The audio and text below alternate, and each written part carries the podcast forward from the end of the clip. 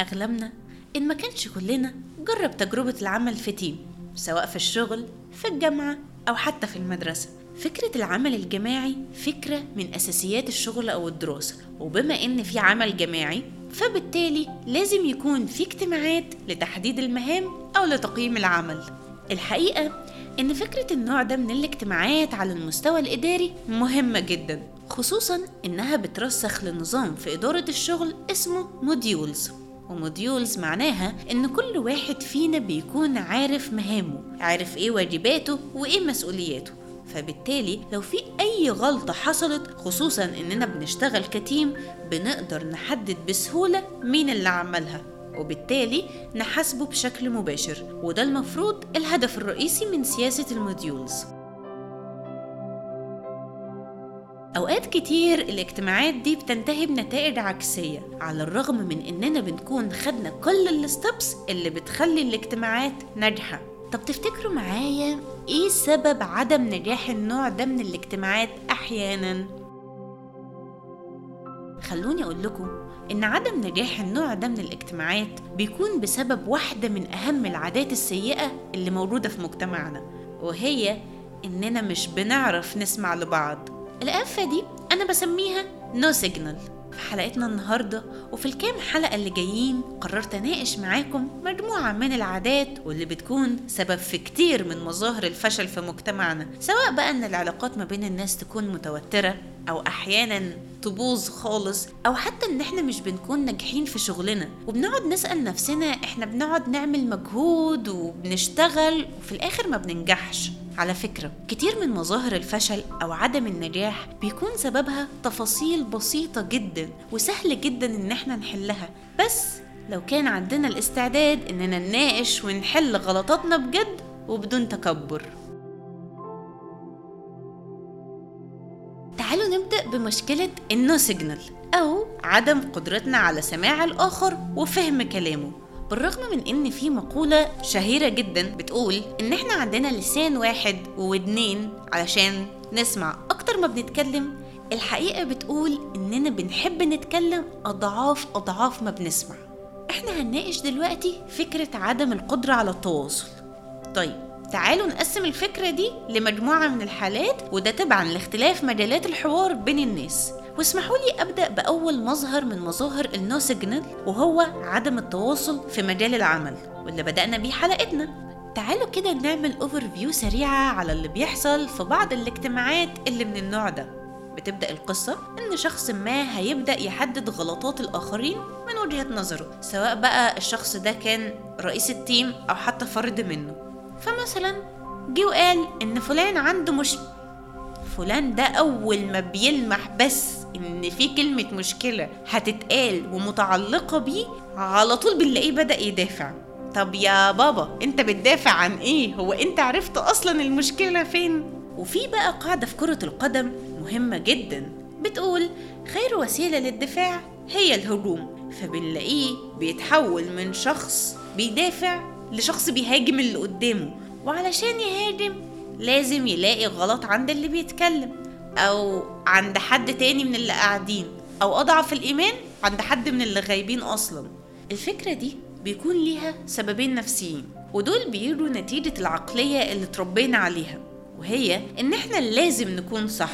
مع إن في مقولة شهيرة للإمام الشافعي بتقول رايي صواب يحتمل الخطأ ورأي غيري خطأ يحتمل الصواب. ودي حكمة مهمة قوي هناقشها معاكم في آخر الحلقة. لكن المهم إن الفكر اللي إحنا متربيين عليه بيخلي العقل يعمل عملية الدفاع أو الهجوم السريعة جدا دي لسببين من وجهة نظري. الأول هو تشتيت مسار الحوار وتوجيهه لمشكلة تانية ودي كده plan A تاني سبب علشان لو plan A ما نجحتش بتكون plan B هي الدفاع السريع وده بيكون عن طريق تحويل مسؤولية الغلطة لجهة تانية. على الرغم من إن إحنا زي ما قلنا إن المفروض إن نظام ال modules مش بيسيب فرصة لده بس الحقيقة إحنا عباقرة في تشتيت مسار الحوار. الفكرة بتاعت ال no signal بتحصل أثناء انشغال عقل فلان بتاعنا في إنه يجهز للرد. فطبعا مش بيركز خالص في كلام البني آدم اللي قاعد يتكلم وبالتالي بيقع منه أكتر من نص الكلام. هو عقله بس بيستوعب رأس الموضوع وبيستوعب إن في حد بيقول له أنت عامل مشكلة. بعد كده ذهنه بيتشتت في التحضير السريع جدا للرد. هقول لكم حاجة راقبوا كده أي اتنين بيتناقشوا أو بيلوموا بعض هتلاقوا إن دايما الكلام بيكون في اتجاه والرد في اتجاه تاني تماما فانتوا ركزوا وهتلاقوا إن كلامي صح. تاني حاجة بتحصل في نقاشات الشغل الجماعي واللي هرجع وأكد على إن المفروض إن كل واحد فينا له دور محدد هي جملة طب ما فلان برضو بيعمل كده. وأنت مالك بفلان؟ المهم إن ده أسرع رد ممكن تسمعه في أي مناقشة فيها توجيه مسؤولية. تعالوا كده أديكم مثال صغير بفكرة location التصوير. تصوير أي حاجة فيلم مسلسل أو حتى برنامج. المهم شخص العمل كله واقف عليه اتأخر وما جاش في ميعاده. هنا بتيجي فكرة ال modules. في شخص ممكن يتأخر وما يأثرش على الشغل. لكن في شخص تاني لو اتأخر العمل مش هينفع يتعمل. زي مثلا الممثلين أو المذيع. شخص كده ملوش بديل. فحجم مسؤولية الشخص ده وتأثيره أكبر بكتير من غيره. صحيح التأخير هو هو والغلط ما اختلفش لكن نوعية مسؤوليتك بتفرق. وخصوصا إن العمل بيكون أحيانا مرتبط بزمن معين لازم يتنفذ فيه. فبالتالي التأخير حاجة من الحاجات اللي بتضر العمل كله بكل أفراده. اللي عايزة أقوله لكم إيه؟ إن جملة ما فلان بيعمل كده ولا ما فلان بيتأخر مش نافعة أهي. طيب إيه المطلوب من كل واحد فينا؟ المطلوب أول حاجة عدم الشخصنة. أنت طالما قبلت تشتغل في عمل جماعي تبقى لازم تكون مهيأ ليه. إحنا للأسف عندنا فكرة الخوف من تحمل المسؤولية موروثة في عاداتنا. بفتكر معاكم كلمة زميل ليا في الدراسة وكنا وقتها في أولى إعدادي بس بصراحة هو كان سابق سنه. قال لي إن الناس نوعين نوع قائد ونوع منقاد. وبلغتنا الدارجة كده موسيقار وآلاتية. النوع المنقاد ده هو دايما اللي بيكون عنده فكرة الهروب من المسؤولية فكرة إنه يحمل غلطه لأي حد. وده اللي بيوصلنا لفكرة إن إحنا مش بنعرف نتناقش مع بعض لأننا ببساطة متناهية بنبقى مشغولين بالرد على كلام إحنا لسه ما سمعناهوش. تعالوا ندخل على الشكل التاني من أشكال ال no signal وهو بالنسبة لي النوع الأخطر بجد وده لأنه أولا سبب كل أنواع العنصرية وأحيانا بيوصل لحروب أهلية هو سبب في كتير من مظاهر الإرهاب. وأنا هنا مش قصدي إرهاب جماعات بعينها لكن إرهاب أي مجموعة ضد مجموعة بتخالفها في الرأي وهي فكرة إن إحنا الأفضل. وبيتهيألي فكرة هتلر المبنية على عظمة الجنس الآري ورفضه للعرب واليهود هي أكبر دليل على إن الفكرة دي مش مرتبطة بمجتمع ديني معين أو دول عالم ثالث وعالم أول. فكرة مهمة وخطيرة جدا خلوني أناقشها معاكم بشكل سريع جدا النهاردة. لكن بعد كده هعمل لكم حلقة كاملة ليها. وهي فكرة الآخر واللي بعتبرها أهم مشكلة في التاريخ الإنساني. النهاردة هنناقشها من زاوية واحدة بس وهي زاوية الحوار. وإيه شكل المناقشة بين اتنين من فكرين مختلفين؟ ممكن يكون ديني سياسي فكري أو حتى كورة وأنا هنا دايما بسميه حوار الطرشان والطرشان للي مش فاهم المصطلح هو التعبير الشعبي للناس فاقدي حاسة السمع. في البداية فكرة مناقشة شخص من وجهة نظر مختلفة عنك هي فكرة كارثية بكل المقاييس في مجتمعنا. أنت دايما لما بتدخل الحوار خلينا واقعيين إحنا مش بندخل علشان نسمع. إحنا بندخل علشان نهاجم. مع إن في نقطة كل شخص من الاتنين بيكيل فيها بمكيالين مكيال وهو بيتكلم ومكيال وهو بيسمع. الجملة دي هشرحها لكم وهتفهموها وإحنا بنحكي دلوقتي. أنت دايما انتمائك لأي شيء بيخليك دايما مش واخد بالك من عيوبه. فبالتالي مش بتكون موضوعي مع إنك بتكون في قمة الموضوعية لما بتناقش الآخر في الحاجة اللي تخصه وبتدرس كل تفاصيل وجهة نظر الآخر علشان بس تطلع الثغرات اللي موجودة فيها. خلوني أقرب لكم الكلام بمثال واقعي شوية وهو قنوات اليوتيوب الدينية. بنلاقي إن كل طرف بيهاجم الآخر. طبعا يعني اللي هيقعد ويدور هيلاقي مناظرات في قمة المسخرة. انت وانت بتتابعهم من بره بتشوف كل شخص قاري جدا في الحاجة اللي تخص الشخص التاني. ومش بس كده ده بيكون مطلع على أدق أدق التفاصيل. وفي نفس الوقت ما عندوش القدر الكافي من المعلومات عن الحاجة اللي بيدافع عنها. فبالتالي بيطلع لنا حوار شكله غريب جدا. اتنين بيهاجموا بعض ومفيش حد من الاتنين بيرد على أسئلة الآخر. أسئلة بدون إجابات. أمال هي اسمها مناظرة أو حوار ليه؟ إحنا بس لو فكرنا في السؤال ده أو لو هما فكروا في السؤال ده هيعرفوا إن كل اللي بيعملوه ملوش أي 30 لازمة. وطبعا يا جماعة إعلامنا حدث ولا حرج في النقطة دي. عشان خاطر بقى مشاهدات إعلانات يعني أنتوا أكيد فاهمين. بنيجي للمرة التانية لمقولة الإمام الشافعي رأيي صواب يحتمل الخطأ ورأي غيري خطأ يحتمل الصواب. وأنا هنا بطلب من كل واحد فينا ومني شخصيا إن إحنا دايما نخلي المقولة دي قدام عينينا.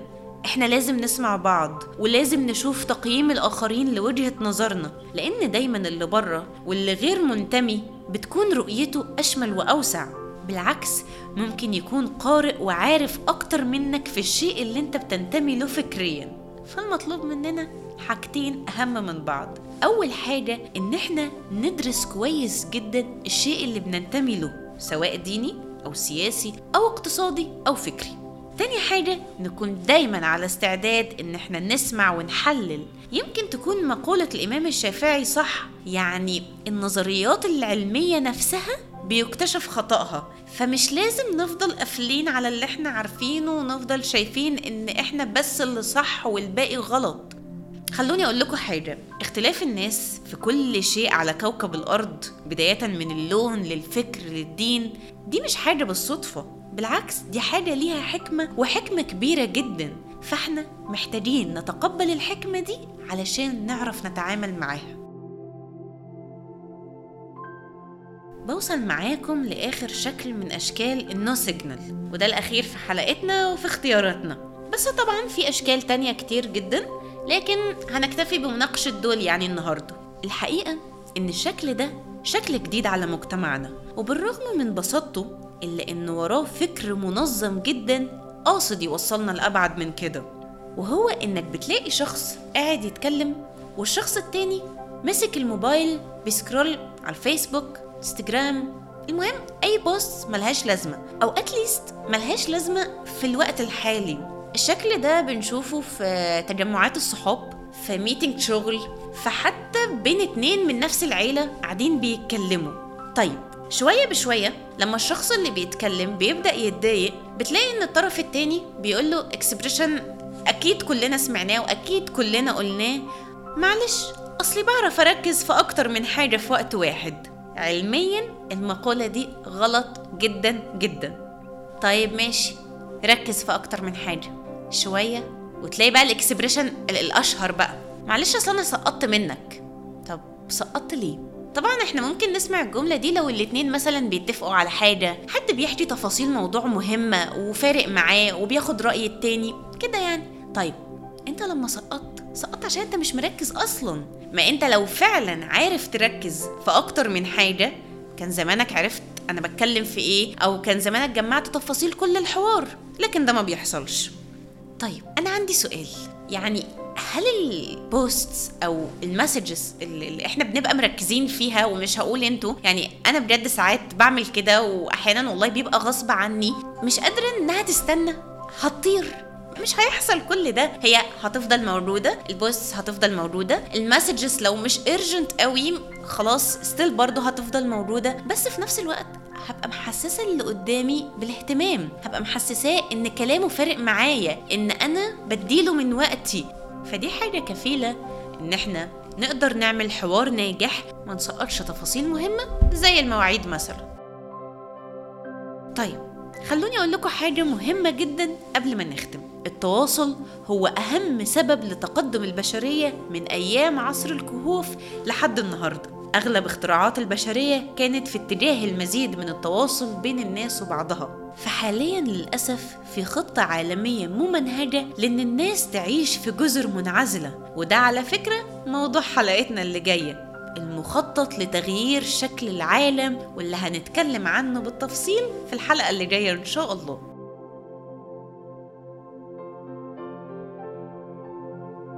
في النهاية هرجع مرة تانية للحكمتين اللي قلناهم على مدار الحلقة. وهي واحد انت عندك ودنين ولسان واحد علشان تسمع أكتر ما بتتكلم. اتنين مقولة الإمام الشافعي رأي صواب يحتمل الخطأ ورأي غير خطأ يحتمل الصواب. وإذا كان الكلام من فضة فالسكوت والإنصات لغيرك من ذهب.